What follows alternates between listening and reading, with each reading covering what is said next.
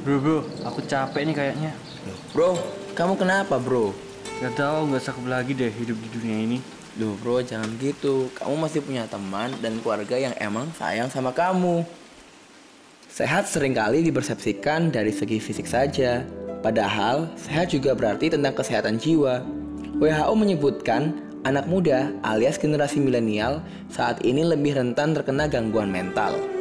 Terlebih, masa muda merupakan waktu di mana banyak perubahan penyesuaian baik secara psikologis, emosional, maupun finansial. Selain perubahan hidup, teknologi juga turut berkontribusi terhadap kesehatan mental generasi muda. Gangguan mental bisa bermula dari stres yang diabaikan. Oleh karenanya, stres harus ditanggulangi agar tidak dibiarkan berlarut-larut. Stres bukanlah sesuatu yang akan hilang dengan sendirinya. Sudah saatnya generasi muda lebih peduli pada kesehatan fisik maupun mental. Pesan ini disampaikan oleh Adam Gomajaka NPM 164301071.